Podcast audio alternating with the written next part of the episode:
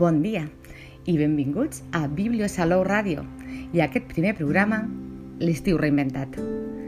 Com molts ja sabeu, la biblioteca dedica aquest estiu 2020 als invents que han fet història, amb una activitat diària que es difon a les nostres xarxes socials de dilluns a divendres a partir de dos quarts d'onze del matí. Recordeu que podeu passar per la Bíblia i resoldre de forma presencial les activitats o enviar-nos les solucions o propostes a biblioteca.salou.cat. Els dimecres sempre toca taller.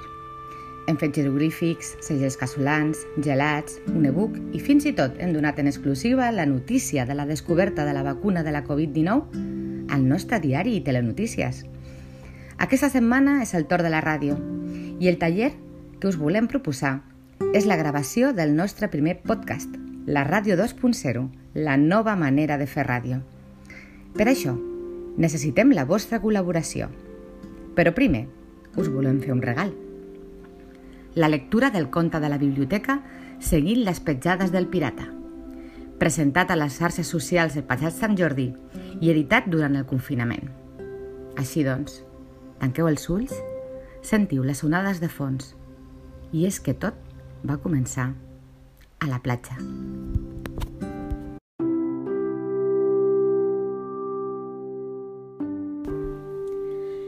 seguint les petjades del pirata.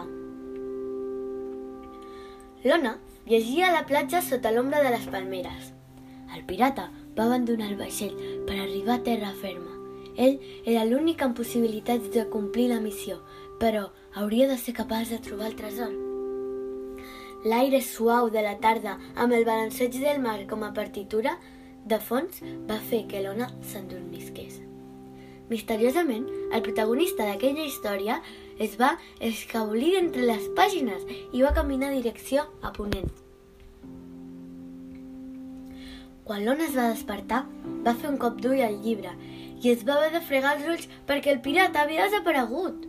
Per un moment va aixecar els ulls de terra per mirar al voltant. Tothom seguia amb les seves coses, anàvem d'aquí cap allà i no hi havia ningú que semblés veure el pirata escapat del llibre.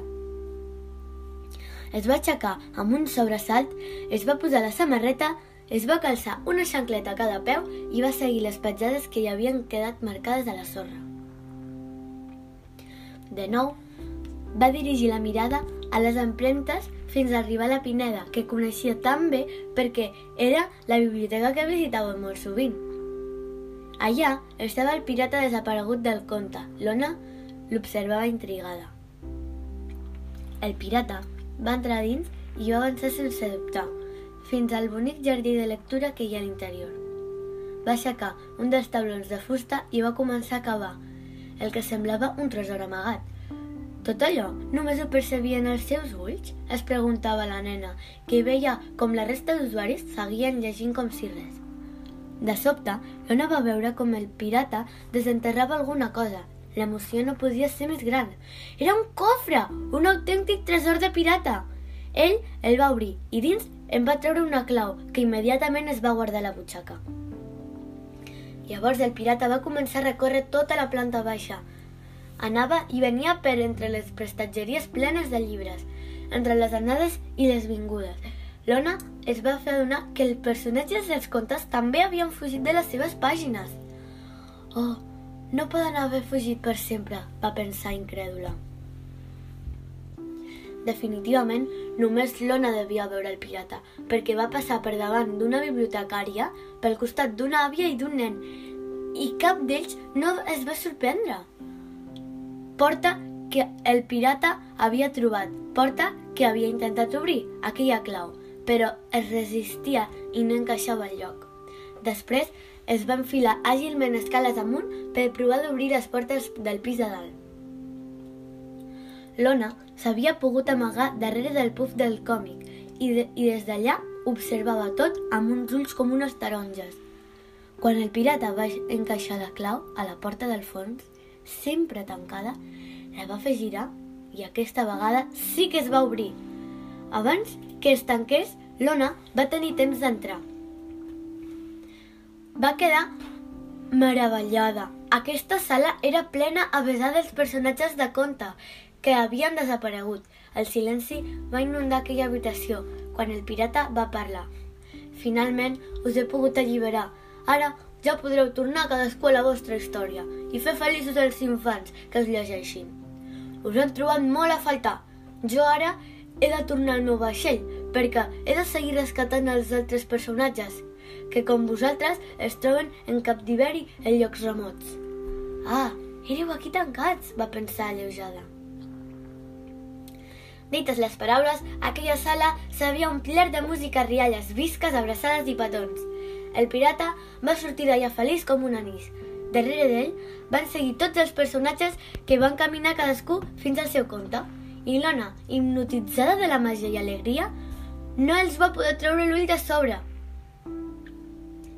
A una distància prudencial, un de l'altre, el pirata i l'Ona van desfer el camí fet. Quan van arribar a la platja, el sol ja es ponia a l'horitzó.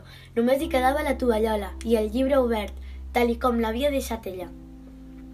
L'Ona es va seure a la sorra i en un punt de l'horitzó li va semblar veure un autèntic vaixell de pirata que s'allunyava marandís mentre el vent li xiuxiuejava entre els seus cabells. Guarda'ns el secret, Ona, i no deixis mai de llegir, perquè no desaparegui la màgia dels contes.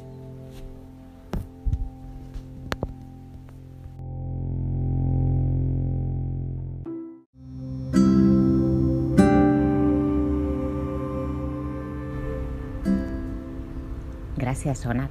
Per cert, era la protagonista del conte. I ara, si us ha agradat el conte, només cal que ens deixeu els vostres comentaris. Teniu dues maneres de fer-ho. Podeu passar per la biblioteca i allà gravarem la vostra nota de veu o també podeu enviar-la a biblioteca.salou.cat. Amb tots els vostres àudios els afegirem al nostre programa, al nostre primer programa Estiu Reinventat i junts haurem construït la nostra primera intervenció radiofònica. Gràcies a tots i totes i continueu gaudint de l'estiu.